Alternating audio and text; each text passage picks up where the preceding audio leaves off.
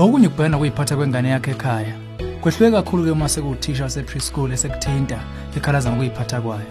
Asinamandla ey'meni zesikole. Nokho uhlobo lobuzali esibenza ekhaya nalo lungaba imbangela yendlela yokuyiphatha kwengane esikoleni nakwezinye ingxenye sizokhuluma ukuthi-ke ungasiqinisa kanjani lesi simo khona la ohlelweni ezomndeni? Hlala nathi.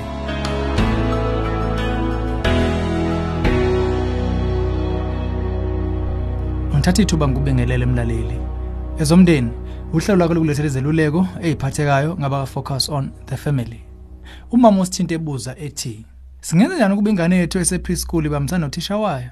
Ivese ibe nenkani uma kuguquka iy'nhlelo kumbe uma uthisha eyicela ukumisa okuthile.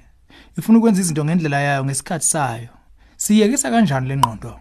Isisombululo enkingeni sisengadinga uqala ekhaya.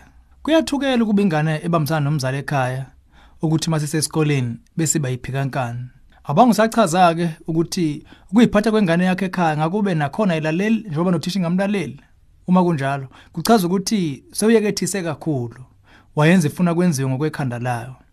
Manje lo muntu osahamba i-preschool uyithole sendaweni la khona sekwehluka sekumele athobele imithetho nokuphila nezinye iy'ngane okuyinto angayazi leyo.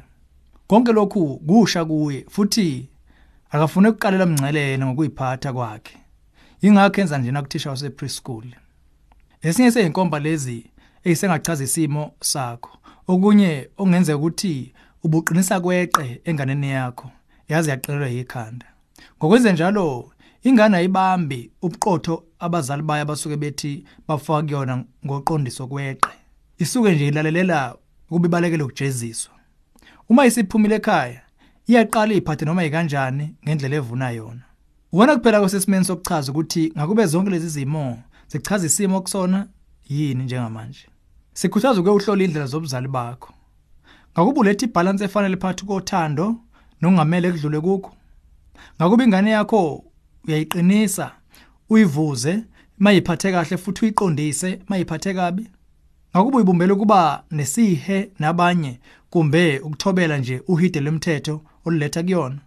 Ngakube umama nobaba bakubona kunye yini uma kuziwe ekuqondiseni kumbe omunye ulula kunomunye na? Uma kuthi ngempela masubukisise kahle uthola ukuthi nebala ingane yakho iphi kankani. Usumele uqala ke manje uba ufaka imingcele njalo njalo ekhaya. Lokho kuyofaka nemiphumela eqondene nesimo ngasinye songayiphathi kahle. Indodana yakho nebala angeke ikuthande lokho kahle hle siqagula ukuthi izovese ifuna ukudlebelendela kakhulu kunaqala lokho ingoba iyobilwa nokukhombisa ukuthi ngeke uphase izokugoba uphondo yona. Kodwa mangabe uma kokushilo masisha uzobona umehluko. Uma ngenzeka usengacela uthisha omkhulu kuba ukuyibuke nje ingane yakhe iseklasini zobona ukuthi iphatha kanjani kwezinye izingane uma lokho kungenakwenzeka usengacela umnye wothisha ukuba akwenzele ivideo tape iseklasini ingane yakho. Ngaleyo ndlela uzothola isithombe sicacile sayo uma isuka esikoleni usengasebenzisana nothisha ukukhanda imiphumela ongayiphathi uma isuka esikoleni njengoba nasekhaya kukhona yakhona futhi. Ngicela kuphi imibiko ngayo? Njalo njalo ngosuku ngokuba ubhale phansi kumbe akufonele lokho kuyoyenza ingane yakho ibone ukuthi iqashiwe. Kumele yazi ukuthi uma inenkani esikoleni ibhubesi kumbe icekela phansi esikoleni kanjani izoba khona imiphumela ebuhlungu eyilindile ekhaya.